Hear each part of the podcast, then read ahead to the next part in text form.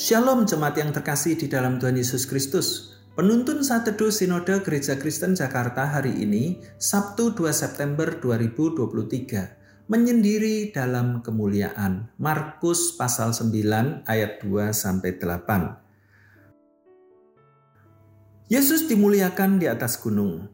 Enam hari kemudian, Yesus membawa Petrus, Yakobus, dan Yohanes, dan bersama-sama dengan mereka ia naik ke sebuah gunung yang tinggi di situ mereka sendirian saja lalu Yesus berubah rupa di depan mata mereka. Dan pakaiannya sangat putih berkilat-kilat. Tidak ada seorang pun di dunia ini yang dapat mengelantang pakaian seperti itu. Maka nampaklah kepada mereka Elia bersama dengan Musa, keduanya sedang berbicara dengan Yesus. Kata Petrus kepada Yesus, "Rabi, betapa bahagianya kami berada di tempat ini. Baiklah kami dirikan tiga kemah, satu untuk engkau, satu untuk Musa, dan satu untuk Elia. Ia berkata demikian sebab tidak tahu apa yang harus dikatakannya karena mereka sangat ketakutan. Maka datanglah awan menaungi mereka dan dari dalam awan itu terdengar suara, inilah anak yang kukasihi, dengarkanlah dia. Dan sekonyong-konyong waktu mereka memandang sekeliling mereka, mereka tidak melihat seorang pun lagi bersama mereka, kecuali Yesus seorang diri. Pernahkah saudara merasakan perasaan begitu dekat dengan Tuhan, entah itu dalam sebuah ibadah atau meditasi pribadi? Mungkin itu sebuah pengalaman yang begitu indah, namun jarang kita bisa rasakan. Karena kesibukan dan segala sesuatu yang menuntut serba buru-buru bisa jadi membuat hal tersebut sulit untuk diwujudkan. Tetapi bagaimana bila suasana seperti itu bisa lebih sering kita rasakan? Tentu sangat menyenangkan bukan? Dalam nas kita hari ini, Tuhan Yesus secara khusus mengajak ketiga muridnya yaitu Yohanes, Petrus, dan Yakobus naik ke sebuah gunung dan mengalami sebuah pengalaman transfigurasi dari Kristus atau Yesus dimuliakan.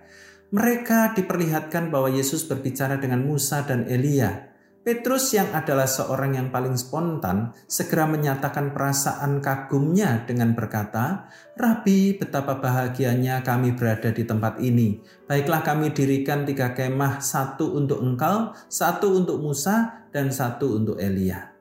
Meskipun apa yang dikatakan Petrus ini kurang masuk akal, yakni ingin mendirikan kemah bagi ketiga orang yang dihormatinya itu, namun kita bisa melihat betapa bahagianya ia dapat melihat kemuliaan di hadapannya tersebut. Bagaimana bila hal itu juga terjadi pada kita? Tentu kita juga ingin dapat mengalami pengalaman seperti itu, bukan? Hal tersebut sangat sulit terjadi bila kita tidak menyediakan waktu untuk bersama dengan Dia kita harus memiliki waktu khusus berdoa atau beribadah dengan sepenuh hati, segenap jiwa, akal budi, dan kekuatan kita. Kita harus fokus dan tidak boleh diganggu oleh hal apa pun. Ketika kita beribadah, usahakan untuk tidak menggunakan gadget, lebih baik menggunakan buku Alkitab. Namun bila memakai gadget, maka kita harus mengabaikan atau mematikan notifikasi yang dapat mengalihkan perhatian kita. Dengan begitu, kita akan lebih fokus untuk beribadah dan berdoa Sebab tanpa fokus kita akan sulit untuk tenggelam dalam kemuliaannya. Mari, di tengah kesibukan dan lalu lalangnya gangguan di sekitar kita, bahkan godaan aktivitas buru-buru, kita mau menyediakan waktu untuk menyendiri bersama Tuhan dan memandang kemuliaannya. Sediakanlah waktu teduh bersama dia, bercakap-cakap dengannya, dan mendengarkan firman-Nya dalam keteduhan dan kemuliaannya. Hanya ada satu yang baik, itu adalah Tuhan. Segala sesuatu yang lain, baik ketika melihat kepadanya dan buruk ketika berbalik darinya, kata C.S. Lewis. Selamat beraktivitas, Tuhan Yesus memberkati.